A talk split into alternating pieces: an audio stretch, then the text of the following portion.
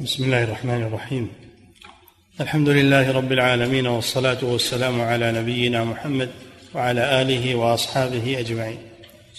أما بعد قال المؤلف رحمه الله تعالى باب جهر الإمام بالتكبير ليسمع من خلفه وتبليغ الغير له عند الحاجة. بسم الله الرحمن الرحيم. الحمد لله والصلاة والسلام على رسول الله. هذه الترجمة تتضمن مسألتين. المسألة الأولى أنه لا بد أن الإمام يجهر بالتكبير ليسمع من خلفه. والمسألة الثانية إذا احتيج إلى تبليغ الصفوف البعيدة التي لا تسمع الإمام فإنه يتخذ المبلغ. نعم. باب جهر الإمام بالتكبير ليسمع من خلفه وتبليغ الغير له عند الحاجة. عن سعيد بن الحارث قال صلى لنا أبو سعيد. فجهر بالتكبير حين رفع رأسه من السجود. وحين سجد وحين رفع وحين قام من الركعتين. وقال هكذا رأيت رسول الله صلى الله عليه وسلم رواه البخاري وهو لأحمد بلفظ أبسط من هذا.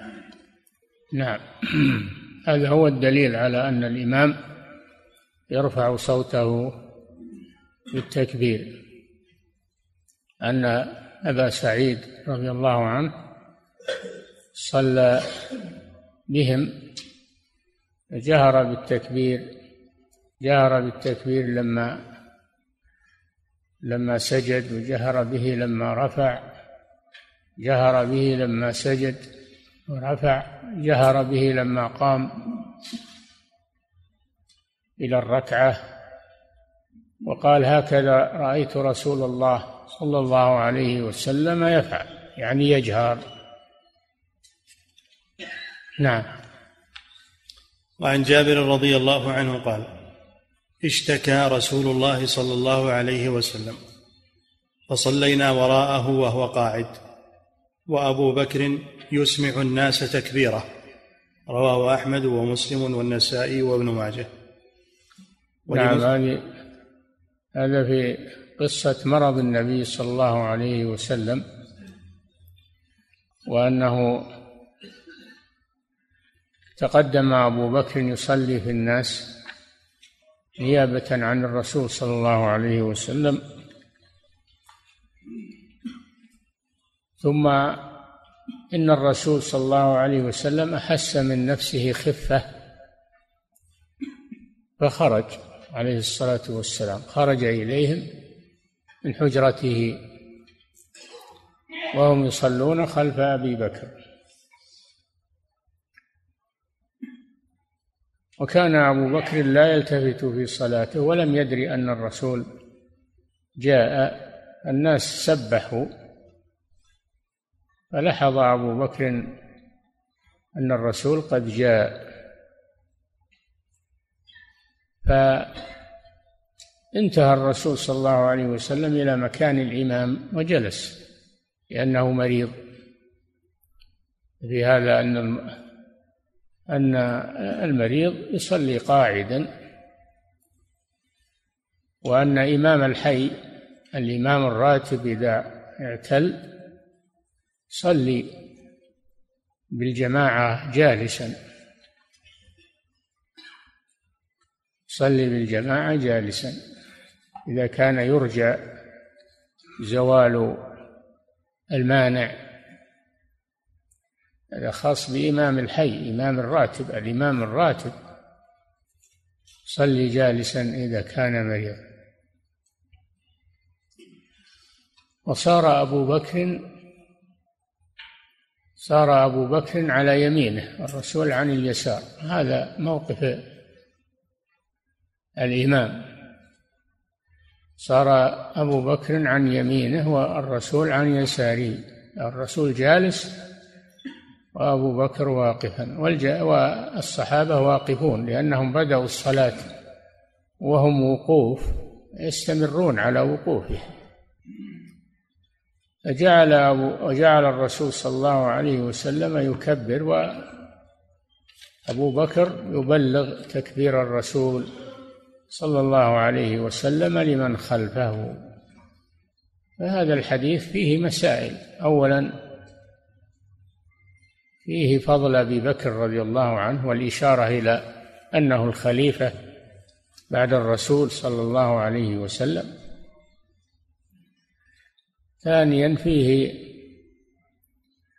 أن إمام الحي الراتب إذا اعتل يصلي بالمأمومين وهو جالس وهم وقوف إذا كانوا بدأوا الصلاة واقفين يستمروا أما إذا كانوا من أول الصلاة إذا صلى بهم المريض من أول الصلاة جالسا فإنهم يجلسون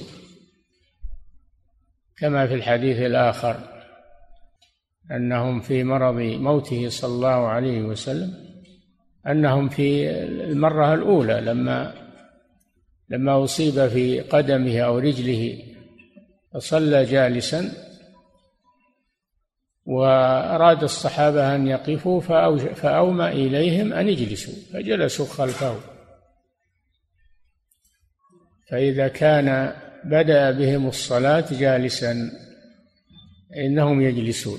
أما إذا بدأ بهم الصلاة واقفا ثم عرض له عارض فجلس فإنهم يستمرون على وقوفهم. هذا هو الجمع بين الحديثين. كما جمع به الإمام أحمد رحمه الله. المسألة الثالثة وهي التي ساق المصنف الحديث من أجلها وهي مشروعية اتخاذ المبلغ عند الحاجة الذي يبلغ صوت الإمام. المبلغ يقتدي بالإمام والمأمومون يقتدون بصوت المبلغ. هذا الذي حصل في هذه الواقعة. نعم. ولمسلم والنسائي قال والنسائي قال صلى بنا رسول الله صلى الله عليه وسلم الظهر وأبو بكر خلفه فإذا كبر كبر وأبو بكر يسمعنا. نعم. باب هيئات الركوع. نعم. عن أبي مسعود عقبة بن عمرو أنه ركع فجافى يديه ووضع يديه على ركبتيه وفرج بين أصابعه من وراء ركبتيه وقال هكذا رأيت رسول الله صلى الله عليه وسلم يصلي رواه أحمد وأبو داود والنسائي. أعد أعد. عن أبي مسعود باب هيئات الركوع باب, باب. هيئات الركوع. نعم. عن أبي مسعود عقبة بن عمرو. يعني صفة الركوع هيئة الركوع يعني صفة الركوع. نعم. عن أبي مسعود عقبة بن عمرو أنه ركع فجافى يديه نعم. ووضع يديه على ركبتيه وفرج بين أصابعه من وراء ركبتيه. نعم. وقال هكذا رأيت رسول الله صلى الله عليه وسلم يصلي. أبو مسعود البدري رضي الله عنه ذكر عن الرسول صلى الله عليه وسلم هذه الصفات الثلاث في حالة يديه في الركوع. حالة يديه في الركوع. المسألة الأولى أنه يجافي عضديه عن جنبيه يجافي ولا يلصق عضديه بجنبيه ما لم يضيق على من بجانبه يعني يجافي تجيفا مجافاة نسبية. نسبية. ولا يجعل يديه ملتزقتين بجنبيه. هذه مسألة. المسألة الثانية أنه يضع أنه يضع كفيه على ركبتيه. وبهذا يتحقق الركوع. ما يتحقق الركوع إلا إذا وصلت يداه إلى ركبتيه. يتحقق الركوع بهذا. يضع يديه يضع راحتيه على ركبتيه. وهذه الصفة الأخيرة الناسخة للصفة صفة التطبيق كما يأتي. المسألة الثالثة أنه يفرج أصابع يديه على ركبتيه. يفرج أصابع يديه على ركبتيه ملقما كل يد ركبة. نعم. وعن أبي مسعود وعن أبي مسعود عقبة بن عمرو أنه ركع فجافى يديه. نعم. ووضع يديه على ركبتيه وفرج بين أصابعه من وراء ركبتيه وقال هكذا رأيت رسول الله صلى الله عليه وسلم يصلي رواه أحمد وأبو داود والنسائي. نعم. وفي حديث رفاعة ابن رافع عن النبي صلى الله عليه وسلم وإذا ركعت فضع راحتيك على ركبتيك رواه أبو داود. نعم حديث رفاعة بن رافع فيه بيان كيفية وضع اليدين على الركبتين أنه يضع راحتيه على ركبتيه. نعم. وعن مصعب بن سعد قال مصعب بن سعد بن أبي وقاص. نعم. وعن مصعب بن سعد قال صليت إلى جنب أبي. سعد بن أبي وقاص رضي الله عنه. نعم. فطبقت بين كفي ثم وضعتهما بين فخذي. فنهاني عن ذلك وقال كنا نفعل هذا فأمرنا أن نضع أيدينا على الركب. رواه الجماعة. نعم هذه صفة منسوخة. أنهم كانوا في أول الأمر يطبقون يعني يطبقون يدي اليدين بعضهما على بعض يلاقون بين الراحتين ويضعونهما يضعونهما بين الفخذين وهم ركوع في حالة الركوع. هذا يسمى التطبيق. وهذا كان جائزا في الأول الأمر ثم نسخ بدليل قول سعد رضي الله عنه في هذا الحديث كنا نفعل هذا ثم نهينا. نعم. أعد الحديث. عن مصعب بن سعد قال صليت إلى جنب أبي فطبقت بين كفي ثم وضعتهما بين فخذي. نعم. فنهاني عن ذلك وقال كنا نفعل هذا. كنا يعني في أول الأمر. نعم. كنا نفعل هذا فأمرنا أن نضع أيدينا على الركب. رواه الجماعة. كما سبق في الحديثين السابقين. حديث أبي مسعود وحديث رفاعة أن اليدين توضعان على الركبتين. هذا آخر الأمرين. ففيه دليل على أن التطبيق منسوخ. والتطبيق كما سمعتم أنه يطبق يديه إحداهما على الأخرى ثم يضعهما بين فخذيه وهو راكع. نعم. باب الذكر في الركوع والسجود. ما يقال في الركوع والسجود. نعم. باب الذكر في الركوع والسجود. عن حذيفة رضي الله عنه قال صليت مع النبي صلى الله عليه وسلم فكان يقول في ركوعه سبحان ربي العظيم. وفي سجوده سبحان ربي الأعلى وما مرت به آية رحمة إلا وقف عندها يسأل ولا آية عذاب إلا تعوذ منها رواه الخمسة وصححه الترمذي. نعم هذا حديث حذيفة في صلاته مع النبي صلى الله عليه وسلم صلاة الليل صلاة الليل تهجد. أن الرسول صلى الله عليه وسلم قام فقام حذيفة صلي معه. الحديث المعروف المشهور الذي قرأ النبي صلى الله عليه وسلم فيه بالبقرة والنساء وآل عمران في ركعتين حتى إن حذيفة هم أن يجلس من طول القيام. لكن الشاهد منه أنه صلى الله عليه وسلم كان يقول في الركوع سبحان ربي العظيم ويقول في السجود سبحان ربي الأعلى. هذا الذكر الذي يقال في الركوع والسجود. سبحان ربي العظيم في الركوع وسبحان ربي الأعلى في السجود. ثم أيضا كان صلى الله عليه وسلم لا يمر بآية فيها ذكر الرحمة إلا وقف وسأل ولا مر بآية فيها ذكر العذاب إلا وقف وتعوذ. وهذا في النفل هذا في صلاة النافلة هذا الحديث في صلاة الليل. نعم.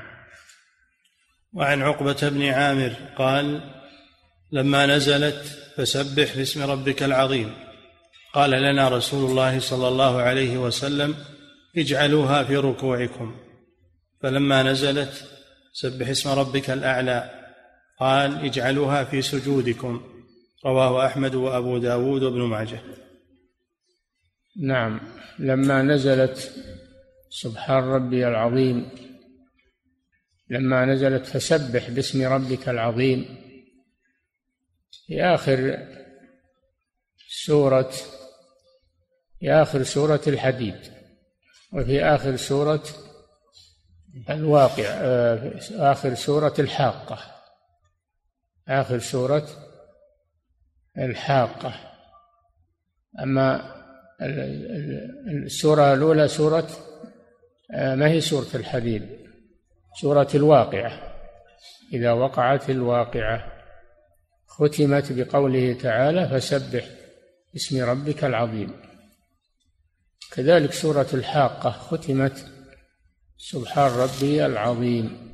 فقال النبي صلى الله عليه وسلم اجعلوها يعني هذه الكلمة سبحان ربي العظيم في ركوعكم. هذا الذكر الذي يقال في الركوع. ولما نزل قوله تعالى سبح اسم ربك الأعلى قال اجعلوها في سجودكم. فهذا فيه بيان الذكر الذي يقال في الركوع والذي يقال في السجود. وما الحكمة في أنه في السجود يقول سبحان ربي الأعلى وفي الركوع يقول سبحان ربي العظيم لأن الركوع تعظيم. تعظيم لله سبحانه وتعالى. ولهذا لا يجوز أن يركع لمخلوق لأن الركوع والانحناء للمخلوق عبادة ولا تجوز إلا لله سبحانه وتعالى. وأما قوله في السجود سبحان ربي الأعلى فلأن السجود أبلغ السجود أبلغ في الخضوع حيث يضع جبهته التي هي أعز شيء في جسمه يضعها على الأرض يضعها على الأرض تعظيما لله سبحانه وتعالى. فناسب أن يقول سبحان ربي الأعلى. فالله جل وعلا هو الأعلى فوق سماواته مستو على عرشه فوق مخلوقاته. فناسب عند كون العبد يضع جبهته على الأرض. هذا أبلغ الخضوع لله عز وجل أن يقول سبحان ربي الأعلى والأعلى على مخلوقاته سبحانه بذاته وبقدره وقهره فوق مخلوقاته وهو القاهر فوق عباده مستو على عرشه جل وعلا. وهذه الصفة ثابتة لله عز وجل الاستواء على العرش والعلو فوق مخلوقاته ثابتة لله عز وجل. لم ينكرها إلا الجهمية لم ينكرها إلا الجهمية.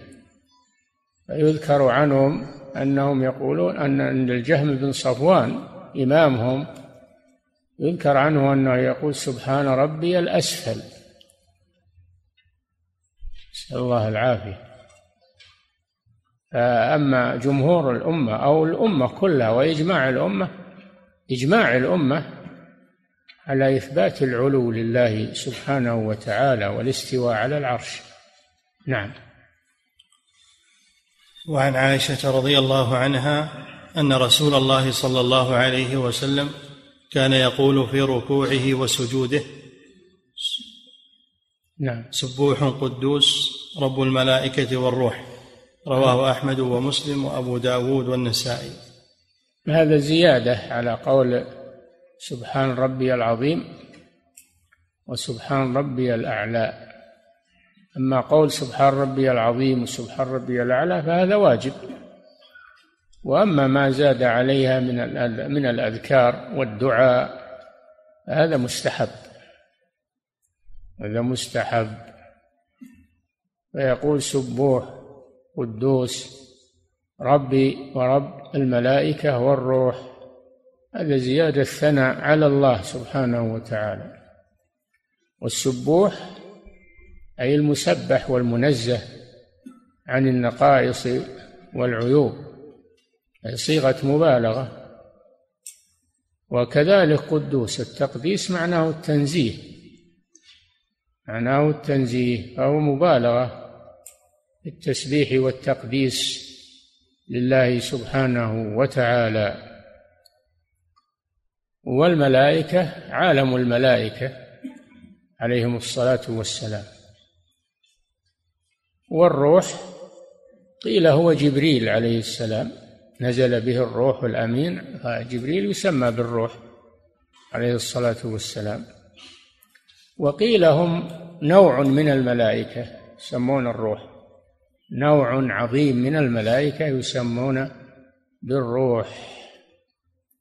وعلى كل حال الله جل وعلا هو رب الملائكة. ورب الروح من الملائكة ورب جميع المخلوقات. نعم. وعن عائشة رضي الله عنها قالت كان رسول الله صلى الله عليه وسلم يكثر أن يقول في ركوعه وسجوده سبحانك اللهم ربنا وبحمدك اللهم اغفر لي. يتأول القرآن. رواه الجماعة إلا الترمذي. هذا في حديث عائشة رضي الله عنها أنه لما نزلت سورة إذا جاء نصر الله والفتح ورأيت الناس يدخلون في دين الله أفواجا فسبح بحمد ربك واستغفره إنه كان توابا.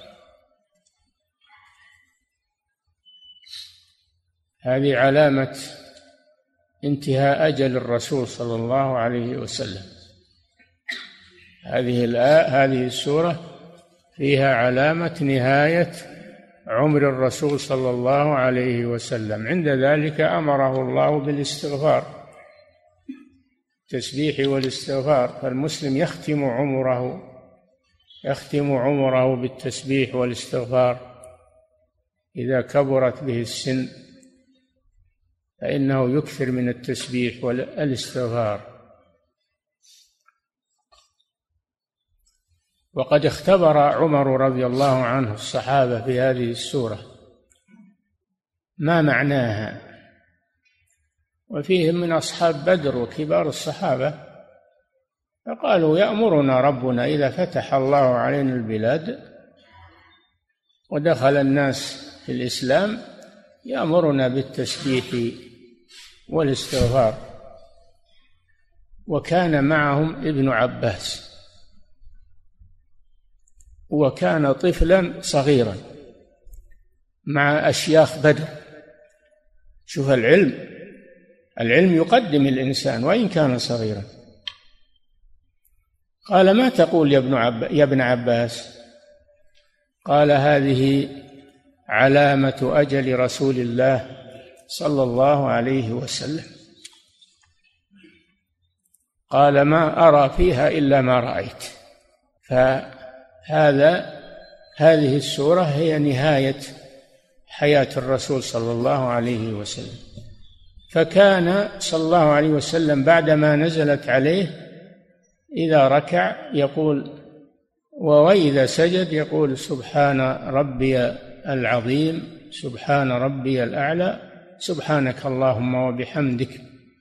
اللهم اغفر لي. اللهم ارحمني. قالت عائشة يتأول القرآن يعني يفسر القرآن. التأويل معناه التفسير.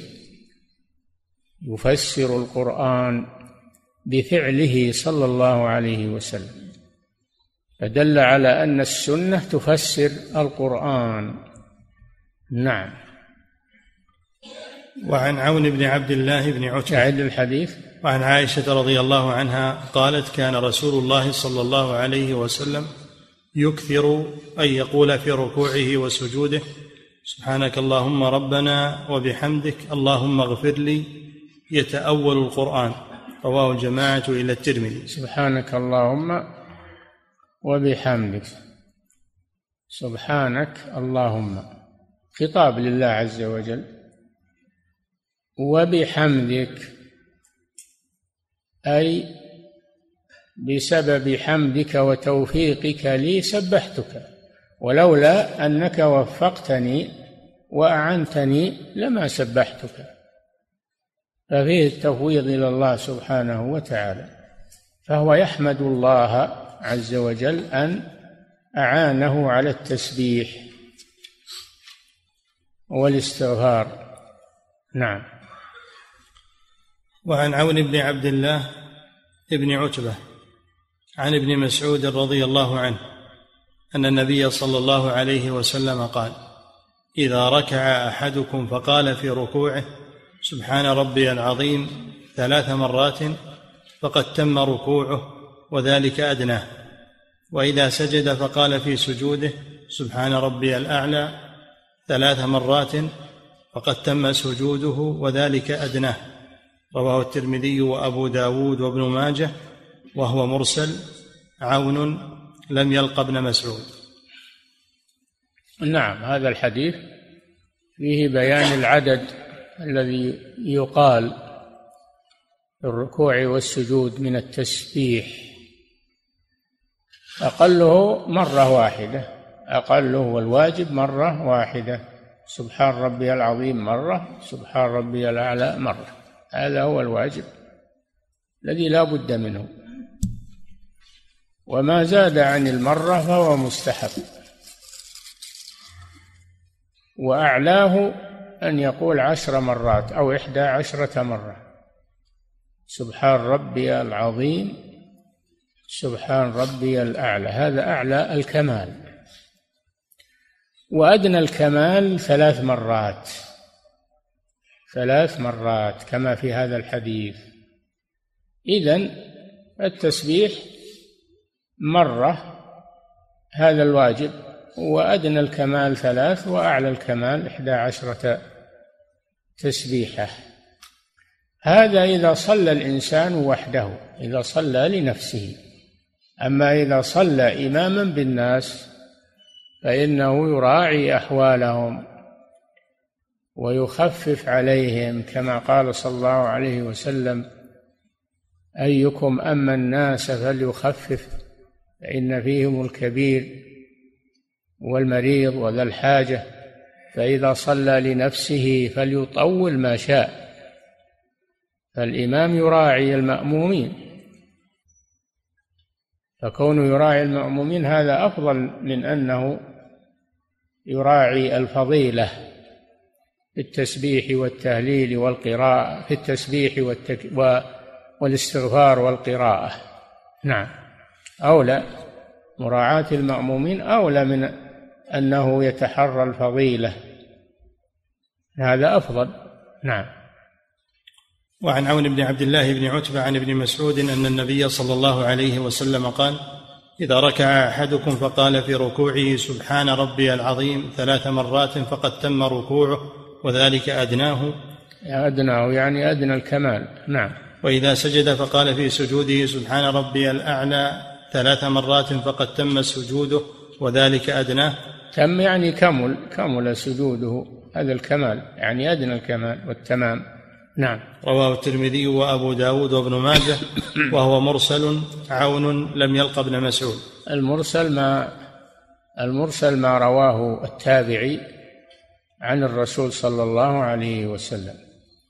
يكون سقط منه الصحابي لأن عونا لم يرى ابن مسعود لم يرى الصحابي فهو لم يروي عنه. نعم. وعن سعيد بن جبير عن أنس رضي الله عنه قال ما صليت وراء أحد بعد رسول الله صلى الله عليه وسلم؟ وعن؟ وعن سعيد بن جبير عن أنس. نعم. سعيد بن جبير من عظماء التابعين من أجلة التابعين رحمه الله. نعم. يروي عن أنس بن مالك. نعم.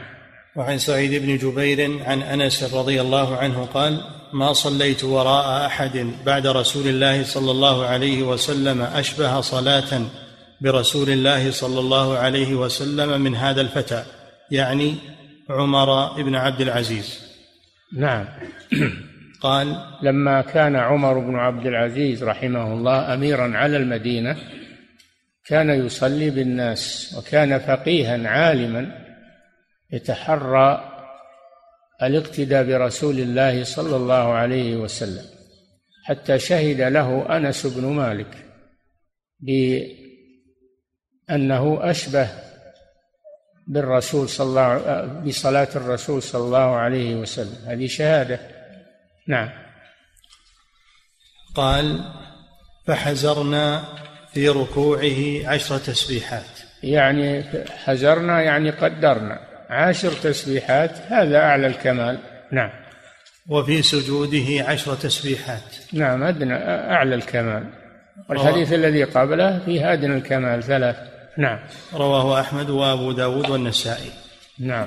باب النهي عن القراءة في الركوع والسجود. نعم. لا تجوز قراءة القرآن. لا تجوز قراءة القرآن في الركوع والسجود لأن القرآن في حال القيام. القرآن يقرأ في حال القيام في الصلاة ولا يقرأ في حال الركوع والسجود. هذا حرام لا يجوز. نعم. باب النهي عن القراءة في الركوع والسجود. عن ابن عباس رضي الله عنهما قال كشف رسول الله صلى الله عليه وسلم الستارة. والناس صفوف خلف أبي بكر. فقال يا أيها الناس إنه لم يبق من مبشرات النبوة إلا الرؤيا الصالحة يراها المسلم أو ترى له. ألا وإني نهيت أن أقرأ القرآن راكعا أو ساجدا. أما الركوع فعظموا فيه الرب. وأما السجود فاجتهدوا في الدعاء فقمن أن يستجاب لكم. رواه أحمد ومسلم والنسائي وأبو داود. نعم. هذا أيضا في مرض مرض الرسول صلى الله عليه وسلم لما استخلف أبا بكر أن يصلي بالناس. حبسه المرض صلى الله عليه وسلم. فكشف صلى الله عليه وسلم الستارة عن النافذة التي بينهم وبينه في الغرفة في الحجرة. فقال لهم هذا الكلام العظيم ألقاه عليهم. نعم. عن ابن عباس قال كشف كشف رسول الله صلى الله عليه وسلم الستارة. نعم. والناس صفوف خلف أبي بكر. نعم. فقال يا أيها الناس إنه لم يبق من مبشرات النبوة إلا الرؤيا الصالحة يراها المسلم أو ترى له. هذا في الرؤيا. الرؤيا حق. منها ما هو حق؟ وهي جزء من ست وأربعين جزءا من النبوة كما قال النبي صلى الله عليه وسلم. وأول ما بدأ به النبي صلى الله عليه وسلم الرؤيا الصالحة. فكان لا يرى رؤيا إلا جاءت مثل فلق الصبح. هذا أول ما بدأ به الرسالة والنبوة. فالرؤيا الصالحة جزء من ست وأربعين جزءا من النبوة.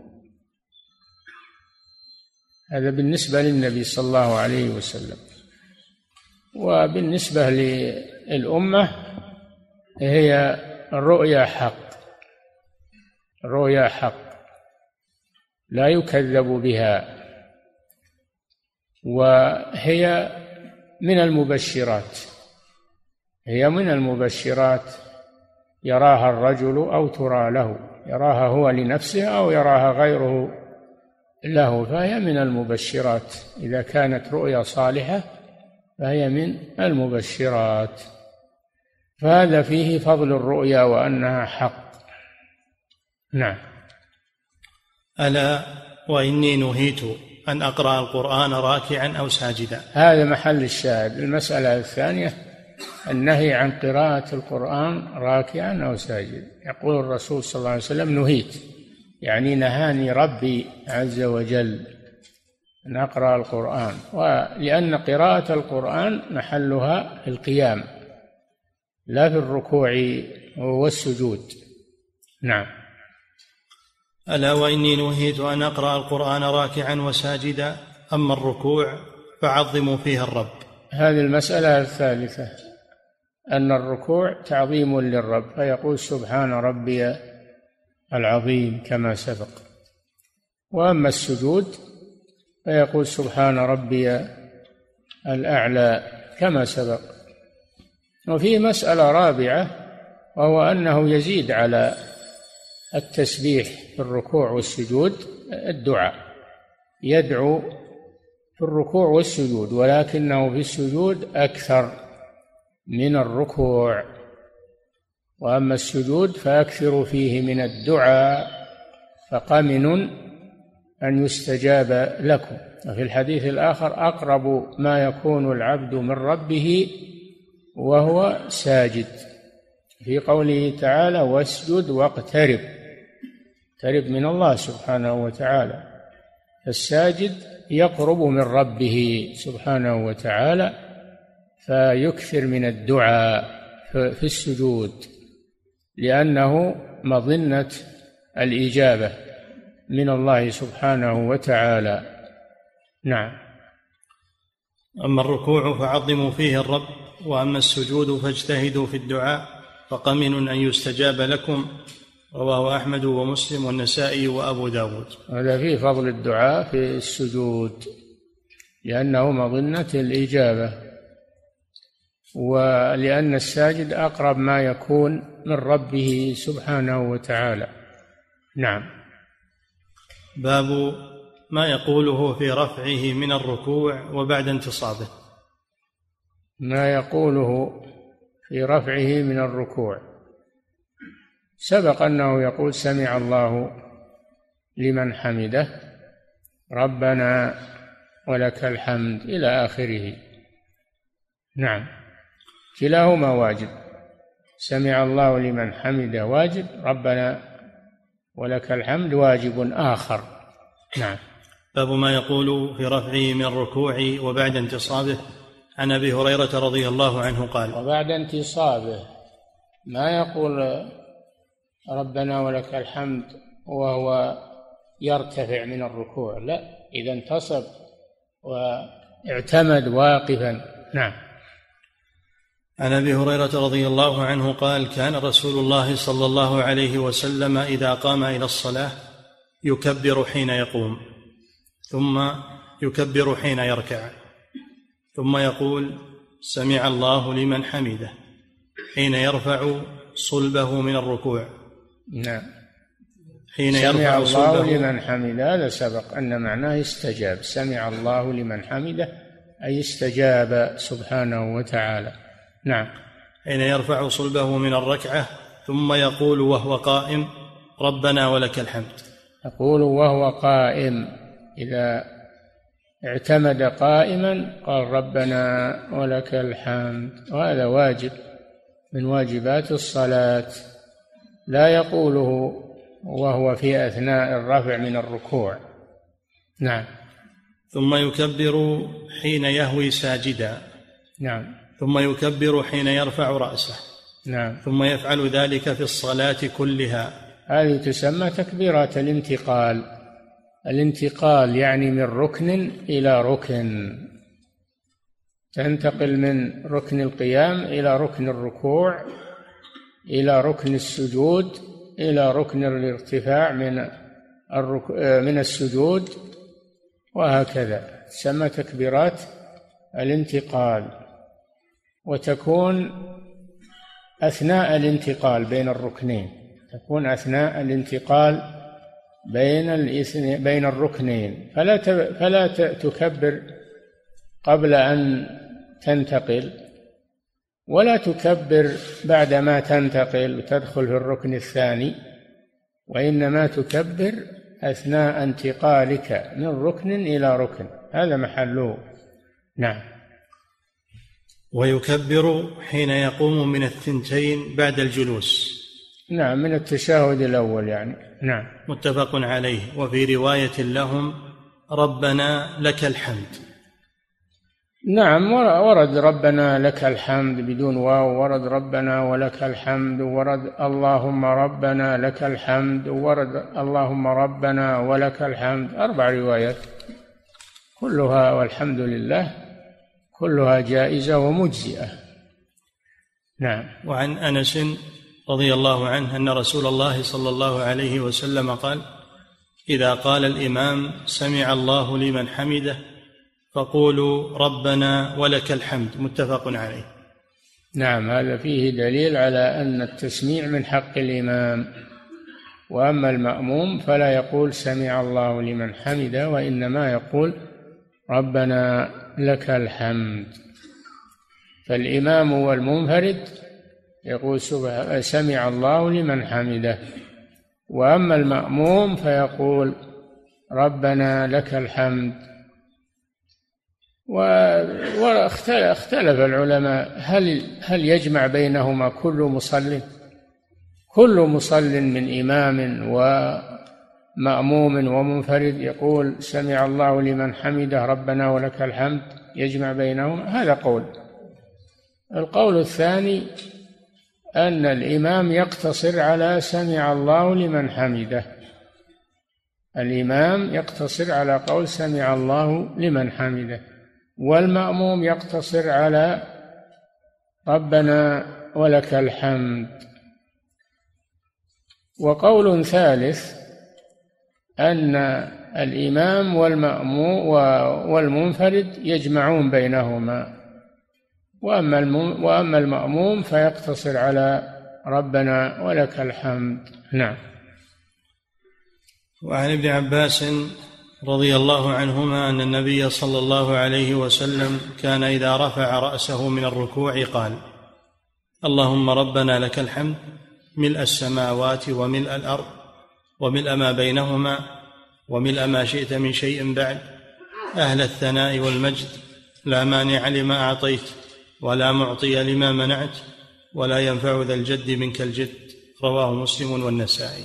هذا فيه زيادة أن الزيادة على سمع الله لمن حمده ربنا ولك الحمد. أنه يزيد. يستحب أن يزيد هذا الذكر. ملء السماء وملء الأرض وملء ما شئت من شيء بعد. أهل الثناء والمجد. يخاطب الله جل وعلا فهو أهل الثناء والمجد. أهل الثناء والمجد أحق ما قال العبد وكلنا لك عبد. لا مانع لما أعطيت ولا معطي لما منعت. ما يفتح الله للناس من رحمة فلا ممسك له وما يمسك فلا مرسل له من بعده. وهو العزيز الحكيم. فلا أحد يعطي ما منعه الله ولا أحد يمنع ما أعطاه الله عز وجل. هذا فيه التفويض إلى الله جل وعلا. ولا ينفع ذا الجد. الجد يعني بالفتح. يعني الجد هو الحظ والمال والجاه. لا ينفعه جده مهما أوتي من المال والجاه والمكانة. لا ينفعه إلا العمل الصالح. لا ينفعه إلا العمل الصالح. ولا ينفع ذا الجد منك الجد. أي من الله. وما أموالكم ولا أولادكم بالتي تقربكم عندنا زلفى إلا من آمن وعمل صالحا فأولئك لهم جزاء الضعف بما عملوا وهم في الغرفات آمنون. فالأموال والجاه هذه أمور دنيا تروح. ولا يبقى إلا العمل الصالح. الذي يتقرب به إلى ربه سبحانه وتعالى.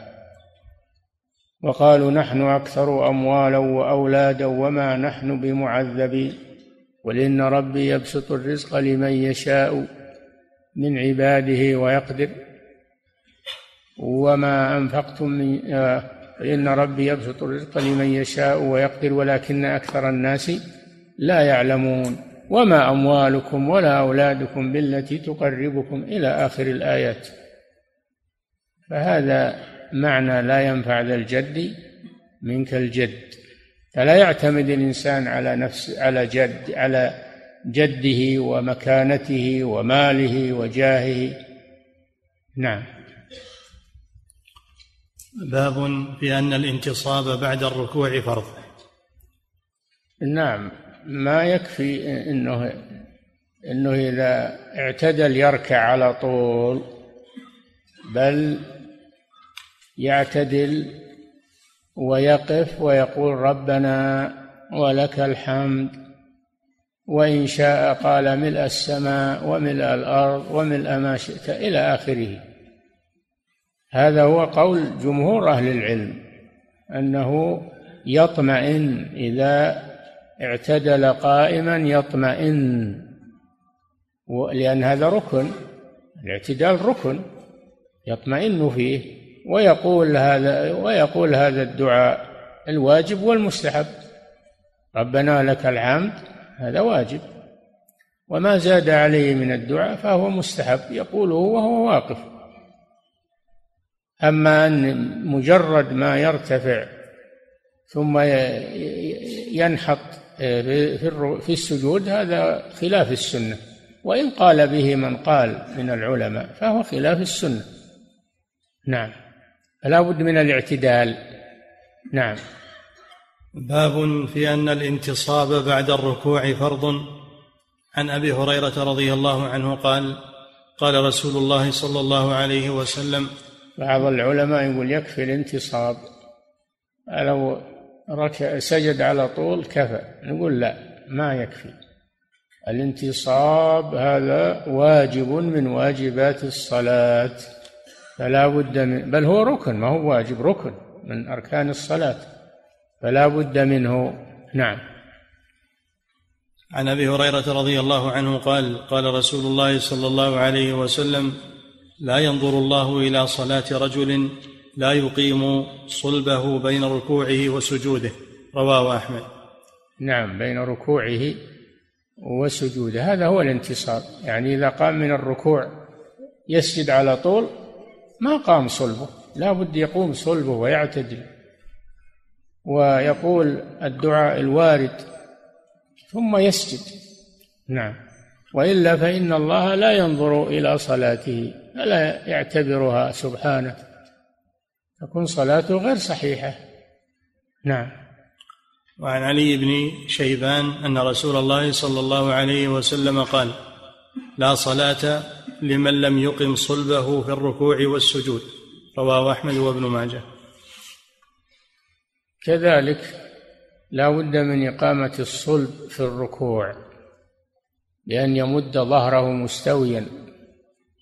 كما كان النبي صلى الله عليه وسلم يمد ظهره مستويا في الركوع ويمد ظهره مستويا في السجود ولا يقوس ظهره لا يقوس ظهره ولا يخفض رأسه في الركوع ولا يرفعه بل يكون رأسه بحيال ظهره يكون رأسه بحيال ظهره. موازيا له لا يرفعه ولا يخفضه. هذه صفة الصلاة الواردة عن الرسول صلى الله عليه وسلم. نعم. وعن أبي مسعود الأنصاري قال قال رسول الله صلى الله عليه وسلم لا تجزئ صلاة لا يقيم فيها الرجل صلبه في الركوع والسجود. نعم. رواه الخمسة وصححه الترمذي. نعم. باب هيئات السجود. وكيف الهوي إليه. يكفي.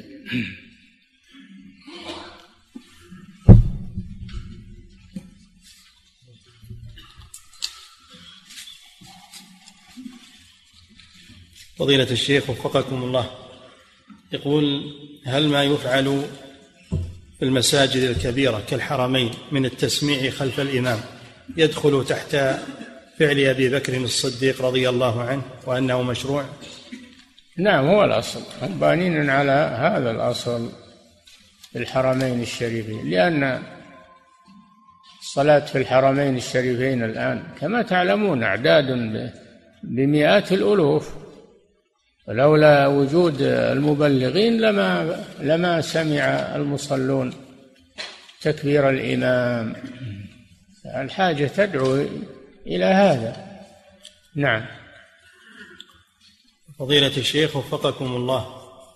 يقول رجل مريض صلى بإخوته في البيت جالسا وهم جلوس خلفه لأنه أقرأهم لكتاب الله. لا هذا ما هو بإمام الراتب. هذا ما يصلح إلا للإمام الراتب الذي يرجى زوال المانع عنه. الإمام الراتب الذي يرجى زوال علته. يصلي جالسا ويصلون خلفه جلوسا. أما غير الإمام الراتب لا. ما هذا ما هو إلا مع الرسول صلى الله عليه وسلم وهو الإمام الراتب. نعم. فضيلة الشيخ وفقكم الله يقول هل يجوز للمصلي أن يقتصر على قول سبحان ربي العظيم في الركوع سبحان ربي الأعلى في السجود مرة واحدة؟ نعم هذا هو الواجب. هذا مجزي وواجب ما في بأس. لكن الأكمل أن يكرر وأن يدعو. نعم. فضيلة الشيخ وفقكم الله إذا كبر الإمام تكبيرة الإحرام فهل على المأموم أن يكبر جهرا مثله أو يكون تكبيره سرا؟ لا ما يجهر. الإمام يجهر لأجل يسمع من خلفه. وأما المأموم فلا حاجة إلى جهره إنما يكون بقدر ما يسمع نفسه فقط. نعم. فضيلة الشيخ وفقكم الله هل يشرع للإمام في صلاة التراويح والتهجد أن يسأل عند قراءة آية الرحمة وأن يستعيذ عند قراءة آية العذاب؟ إذا كان يصلي بالناس لا لأنه هذا يثقل عليهم. أما إذا كان يصلي وحده يصلي لنفسه فلا بأس. الرسول كان يصلي وحده. صلاة الليل. نعم. وما ورد هذا أنه يفعله في الفريضة ويصلي بالناس. ما ورد هذا. نعم.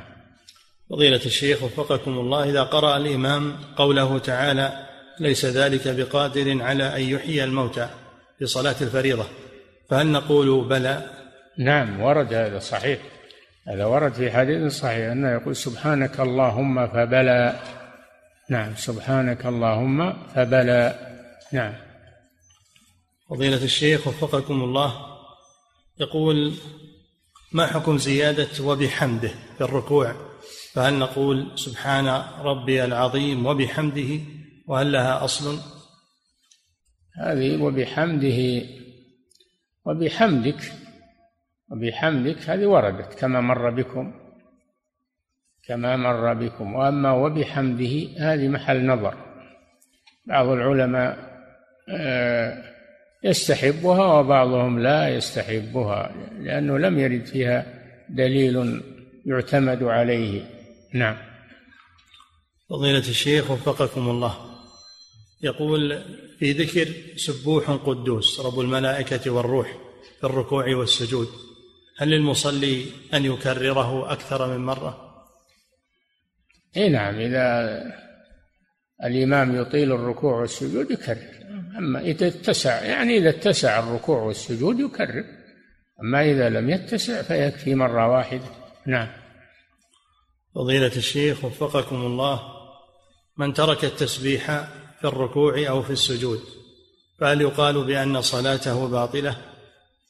إن كان تركه سهوا فيجبره بسجود السهو لأن هذا واجب. ترك واجبا يجبره بسجود السهو. وإن تعمد تركه لم تصح صلاته. نعم. فضيلة الشيخ وفقكم الله يقول أحيانا أخشى أن أنسى الآية التي سأبدأ بها في الركعة الثانية ففي السجدة الثانية في الركعة الأولى أراجع تلك الآية في نفسي بدون أن أقرأها تلفظا. فهل فعلي هذا جائز؟ نعم إذا لم تتلفظ ما قرأت لأن مجرد استحضارها في القلب لا يعتبر قراءة. نعم. فضيلة الشيخ وفقكم الله يقول بعض الأئمة يطيل في السجود أكثر من الركوع ويفرد السجدة الأخيرة من صلاته بإطالة واضحة. فهل فعله هذا مشروع؟ مر بكم أن صلاة النبي صلى الله عليه وسلم متعادلة. أنها متعادلة. إذا أطال القيام أطال الركوع والسجود وإذا خفف القيام خفف الركوع والسجود. والإمام يراعي أحوال المأمومين فيخفف يخفف القيام يخفف الركوع والسجود مراعاة لأحوال المأمومين. والركعتان الأوليان أطول من الركعتين الأخريين كما مر بنا أيضا. نعم. تكون الصلاة متدرجة أولها أطول من آخرها. نعم. فضيلة الشيخ وفقكم الله يقول أحيانا أنسى فأقرأ في سجودي ربنا آتنا في الدنيا حسنة وفي الآخرة حسنة وقنا عذاب النار. وهي من القرآن. يقول هل صلاتي هذه باطلة أم لا؟ إذا إذا جاء بها دعاء على أنها دعاء لا بأس. يجوز أن يدعو بما يوافق القرآن. هذا دعاء. أما إذا جاء بها تلاوة تلاوة لا ما يجوز الركوع والسجود. نعم. فضيلة الشيخ وفقكم الله. في قوله سبحانه وتعالى الذين يذكرون الله قياما وقعودا وعلى جنوبهم. هل في هذا دليل على جواز قراءة القرآن حتى في حال الاضطجاع؟ تلاوة لا بأس تلاوة تتلو على أي حال. وأنت وأنت ماشي وأنت راكب وأنت جالس وأنت مضطجع. تلاوة القرآن لا بأس بل هذا طيب. نعم. فضيلة الشيخ وفقكم الله. يقول إذا أطال الإمام الجلوس بين السجدتين فهل أكرر قول رب اغفر لي وهل لها عدد معين؟ نعم كرر. العدد مرة واحدة هذا هو الواجب وما زاد فهو مستحب. كرر. لا بأس. ولا تسكت. نعم. فضيلة الشيخ وفقكم الله. يقول هل يجوز الزيادة على عشر تسبيحات في الركوع والسجود؟ يجوز لغير الإمام. الإمام ما يشق على المأمومين. أما المنفرد فلا بأس. يزيد ما شاء. نعم. فضيلة الشيخ وفقكم الله. يقول متى يقول المأموم؟ متى يقول المأموم ربنا ولك الحمد هل هي أثناء الرفع أم بعد رفعه وانتصابه؟ ما سمعتم هذا؟ نقول إذا اعتدل إذا انتصب إذا اعتدل. أما وهو يرتفع لا ما يقولها. نعم. فضيلة الشيخ وفقكم الله. يقول في حديث معاذ قول النبي صلى الله عليه وسلم أعني على نفسك بكثرة السجود. فهل نعم. معناه؟ حديث إيش؟ في حديث معاذ يقول. قول النبي عليه الصلاة والسلام أعني على نفسك بكثرة السجود. يقول هل معناه تطويل السجود أم الإكثار من السجود؟ حديث معاذ. المعروف أنه, أنه سعد بن أبي وقاص قال يا رسول الله ادعو الله أن يجعلني مستجاب الدعوة. فقال أعني على نفسك بكثرة الركوع والسجود. و وكذلك الذي سأل النبي صلى الله عليه وسلم آه، مرافقته في الجنة سأل رجل كان يخدم النبي صلى الله عليه وسلم سأل النبي صلى الله عليه وسلم مرافقته في الجنة فقال أعني على نفسك بكثرة الركوع والسجود. نعم. فضيلة الشيخ وفقكم الله يقول ورد أن قيام رسول الله صلى الله عليه وسلم قريبا من ركوعه وسجوده كذلك. فإذا كان أعلى الكمال هو عشر تسبيحات فيهما فهي لا تأخذ كثير وقت ولا تكون مقاربة للقيام. يقول أرجو توضيح ذلك. أنتم عرفتم أن المنفرد يطيل ما شاء في القيام في الركوع في السجود يطيل ما شاء. وأما من يصلي بالناس فيراعي أحوالهم ويخفف هذا هو السنة. نعم. فضيلة الشيخ وفقكم الله. يقول هل ورد أن المصلي يقول بعد قوله ربنا ولك الحمد يقول حمدا كثيرا طيبا مباركا فيه؟ نعم طيب هذا هذا زيادة خير. وهذا ورد هذا ورد في الحديث أيضا. نعم. فضيلة الشيخ وفقكم الله. يقول في حديث لا صلاة لمن لم يقم صلبه في الركوع والسجود. هل هذا نفي كمال في الصلاة أو نفي لحقيقة الصلاة؟ ظاهره أنه نفي لحقيقة الصلاة. أنه لحقيقة الصلاة لأنه ما ركع الركوع الشرعي ولا سجد السجود الشرعي. حتى يقيم صلبه فيهما. نعم. فضيلة الشيخ وفقكم الله يقول جماعة تأخروا عن الصلاة فصلوا خلف رجل لا يقول سمع الله لمن حمده بل يكبر في جميع انتقالاته وسبحوا خلفه لينبهوه لكنه لم ينتبه ولم يفعل فهل صلاتهم خلفه صحيحة؟ وفي من يرى ان قول سمع الله لمن حمده ليس واجبا ربما أن هذا الرجل أخذ بهذا المذهب أو قلد من يقول به. فصلاتهم صحيحة إن شاء الله. نعم. فضيلة الشيخ وفقكم الله. يقول ما ضابط التخفيف المشروع؟ حيث إن بعض المأمومين ينتقدون الإمام إذا خفف.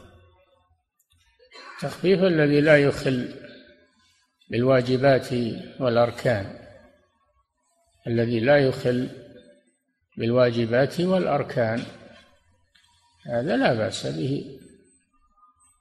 وأما الذي يخل بالأركان والواجب أو بالواجبات فلا يجوز. نعم. فضيلة الشيخ وفقكم الله يقول إذا قرأ الإمام في الصلاة الفريضة إن الله وملائكته يصلون على النبي. يقول هل نصلي على النبي صلى الله عليه وسلم داخل الصلاة؟ في نفسك صل عليه في نفسك ولا ترفع صوتك. نعم. فضيلة الشيخ وفقكم الله. يقول هل إذا ذكر النبي صلى الله عليه وسلم يصلى عليه كلما ذكر في المجلس أم يكتفى بصلاة واحدة؟ كلما ذكر رغم أنف من ذكرت من ذكرت عنده فلم يصلي علي أو كما قال صلى الله عليه وسلم. كلما ذكره زيادة خير يا أخي لا تحسد نفسك. من صلى علي واحدة صلى الله عليه بها عشرة. النفع راجع إليك. نعم. فضيلة الشيخ وفقكم الله يقول متى يشرع تعبير الرؤيا. يباح ما هو يشرع يباح. لو تركته ما ما ما عليك شيء. لكن يباح لك انك تطلب تعبيرها. إذا كانت سارة اما إذا كانت تخاف منها اتركها ولا تضرك. اتركها ولا تضرك. لا تعبرها. إذا كنت لا تطمئن إليها لا تعبرها اتركها. نعم. فضيلة الشيخ وفقكم الله. يقول إذا كان الجد هو الحظ فما معنى قوله وتعالى جدك في دعاء الاستفتاح. عظمتك. جدك عظمتك بالنسبة لله العظمة. الجد بالنسبة لله العظمة والجلال بالنسبة للمخلوق الغنى والجاه. نعم. فضيلة الشيخ وفقكم الله. يقول أنا من أهل مكة وأعمل أنا من أهل مكة وأعمل أيام الحج في مخيمات منى وأريد أن أحج هذا العام فهل أحرم من مكاني في منى؟ وأذهب إلى عرفات مباشرة أم ماذا أصنع؟ علما بأنني أريد حج الإفراد. نعم أحرم من منى ما في بأس. أحرم من من من منزلك في منى يوم التروية واذهب إلى عرفة. نعم. فضيلة الشيخ وفقكم الله يقول من الذي يمسك عن أخذ شعره وأظفاره في أيام عشر ذي الحجة هل هو الوكيل أم الموكل؟ في الأضحية آه الذي الذي يمسك من يريد أن يضحي عن نفسه سواء مع معه غيره أو منفردا. من يريد أن يضحي عن نفسه فإنه يمسك. هذا الذي ورد في الحديث. الفقهاء يقول من أراد أن يضحي أو يضحى عنه أو يضحى عنه ذي ما ما لها دليل. نعم لكن من يريد أن يضحي عن نفسه سواء منفردا أو مع غيره. شريكا في أضحية فلا يأخذ إلى آخره. نعم. فضيلة الشيخ وفقكم الله. يقول حججت في العام الماضي وفي هذه السنة أريد أن أحج عن أمي فهل لي أن أحج مع أن الكفيل يقول حججت في العام الماضي وفي هذه السنة أريد الحج عن أمي فهل لي أن أحج مع أن الكفيل يمنعني بحجة أنني لم أخ لم أخرج تصريحا للحج. فهل له ذلك؟ اللي يقول هذا عامل ولا؟ والله هذا اللي يظهر يا شيخ. ها؟ أن كفيلي يقول كفيلي يمنعني من الحج. أنت مستاجر ولا تحج إلا بإذن المستاجر لأن عملك محصور ونفعك محصور للمستاجر. فإذا أذن لك أحج. مع أخذ التصريح. لازم من الأمرين لازم من الإذن المستاجر ولازم من أخذ التصريح من الحكومة. نعم.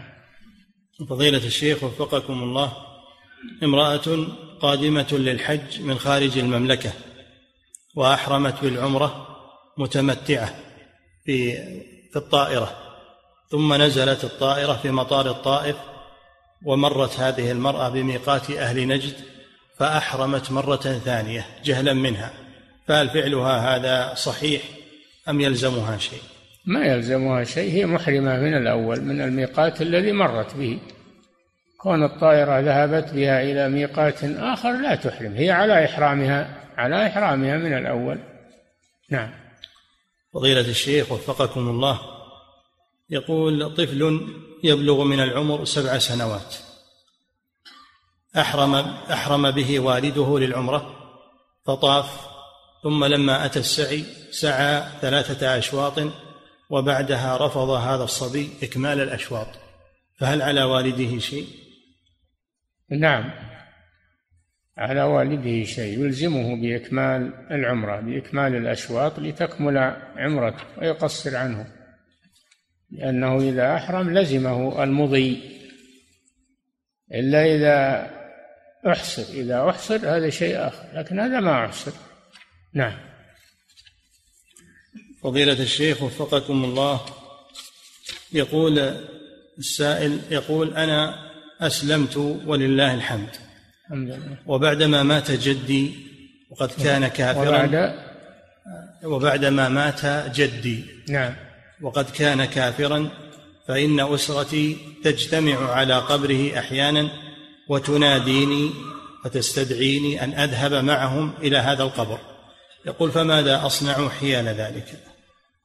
إيش قصدهم من الذهاب إلى قبره زيارة القبر الكافر للاعتبار والاتعاظ لا بأس بها أما لأجل الدعاء له والاستغفار له لا يجوز حرام. ما كان للنبي والذين آمنوا أن يستغفروا للمشركين ولو كانوا لي قربى النبي صلى الله عليه وسلم استأذن ربه أن يزور قبر أمه فأذن له زارها. استأذنه أن يستغفر لها فمنعه من ذلك. منعه من ذلك. فزيارة القبر الكافر إذا كانت لأجل الاعتبار والاتعاظ فلا بأس مشروعة لكن إذا كانت لأجل الدعاء والاستغفار للميت الكافر فهذا لا يجوز حرام. فلا تذهب معهم إذا كان هذا هو القصد. نعم. فضيلة الشيخ وفقكم الله. يقول يستدل بعض من يرى تعظيم آثار النبي صلى الله عليه وسلم وجمعها لأن الصحابة قد تبركوا به عليه الصلاة والسلام في حياته فما الذي يمنع من التبرك به الآن والتبرك بآثاره؟ وين هي آثار النبي الآن؟ ما في شيء. ما في هذا. ما في. انتهت. بقيت بعضه بعده فترة عند بعض الصحابة وانتهت. وين ثيابه؟ وين مستعملاته. فنيت راحت. أما أنه يصنع أشياء تشابهها هذا ما يجوز لأن هذا يبعث على التبرك بها التبرك بآثاره الصحيحة التي باشرها. هذه لا بأس هذا مشروع. لكن يؤتى بعد ذلك ويصنع أشياء ويقال هذه مثل آثار الرسول ثم يتبركون بها هذا حرام ولا يجوز لأن ما هي آثار الرسول دي نعم. ويقول حفظك الله وهل صحيح ما يدعونه من أن عمر رضي الله عنه لم يقطع شجرة البيعة؟ إيش يدريه أنه ما قطعها الحين الروايات تقول قطعها ويقول ما قطعها. يعني على هواه بس. نعم. عمر قطع الشجر. نعم. فضيلة الشيخ وفقكم الله. يقول السائل لا يخفى على فضيلتكم ما يمر به الإسلام وأهله من مخططات داخلية وخارجية لإضعاف هذا الدين؟ وإننا وأيضا الشجرة لو قلنا أنها ما قطعت ما هي من آثار الرسول صلى الله عليه وسلم؟ شجرة من حين شجرة إنما وقعت تحتها البيعة وانتهت. ما هي من آثار الرسول صلى الله عليه وسلم؟ إذا كل الأشجار اللي استظل بها الرسول في أسفاره أجل رح تبرك بها. ما ما له أصل هذا. وليست من آثار الرسول صلى الله عليه وسلم. نعم. يقول فضيلة الشيخ وفقكم الله لا يخفى على فضيلتكم ما يمر به الإسلام وأهله من مخططات داخلية وخارجية لإضعاف هذا الدين. وإننا والله يا شيخ قد ضاغت من الدنيا ونحن نرى هذه المخططات. ولا سبيل لنا في ردها. لقوة المنفذ والمخطط وضعفنا. يقول ما هو السبيل وما نصيحتكم في ذلك؟ إذا لم تستطيعوا لا يكلفكم الله لا يكلف الله نفسا إلا وسعها. اتقوا الله ما استطعتم الحمد لله. اللي ما تستطيعون لا تؤاخذون عليه لكن تكرهونه تبغضونه. وأما أنكم تتصرفون بإزالته وأنتم ما عندكم سلطة ولا قدرة أنتم معذورون. نعم. فضيلة الشيخ وفقكم الله من يقول إن الدين قد كفل لكل رجل أن يعبد الله على الطريقة التي يقتنع بها. أعوذ بالله نعوذ بالله. هذا كلام كفر وباطل. الدين ما كفل أن تعبد الأصنام وتعبد الأوثان. ويعبد الآباء والأجداد ما كفل هذا بل قاتل أهله. كيف يقول كفل؟ اللي يقتنع بها. يعني يقتنع ب أجل فرعون مقتنع بأنه هو هو هو الرب. يعني كل من اقتنع بشيء قال لا, لا بأس لك قناعك؟ لا هذا حرام ولا يقوله مسلم. ما يقول هذه المقالة مسلم؟ أبدا. إنما يقولها ملحد. يريد نشر الكفر وإن كل بهواه وكل على حريته. ما يجوز الكلام هذا. الناس عباد الله. ما خلقت الجن والإنس إلا ليعبدون ما يعبدون غير الله سبحانه وتعالى. ولو اقتنعوا ما ليس لهم ذلك. اقتنع بالكفر قال يكفر لا. نعم. فضيلة الشيخ وفقكم الله. يقول إذا كان على الميت ديون ولا يوجد له تركة لفقره. نعم. إذا كان على الميت ديون ولا يوجد عنده تركة لفقره فهل يجب على أبنائه أن يسد؟ سم. يجب إيش؟ فهل يجب على أو على أبنائه أن يسددوا عنه من مالهم؟ لا. ما يجب عليهم وجوب لكن يبرون به من باب البر. لا بأس. أما الوجوب لا. نعم. فضيلة الشيخ وفقكم الله.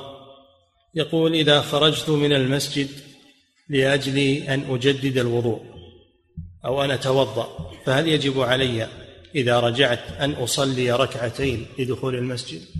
أولا تحية المسجد ما هي بواجبة. قولك يجب علي؟ لا ما هي ما يجب. إلا الفرع المفروضة الصلاة المفروضة هي اللي تجب. وأما تحية المسجد فهي مستحبة وليست مفروضة ولا واجب ثانيا إذا خرجت بنية الرجوع قريبا أليس عليك تحية مسجد؟ لأنك في حكم الباقي في المسجد. نعم. فضيلة الشيخ وفقكم الله.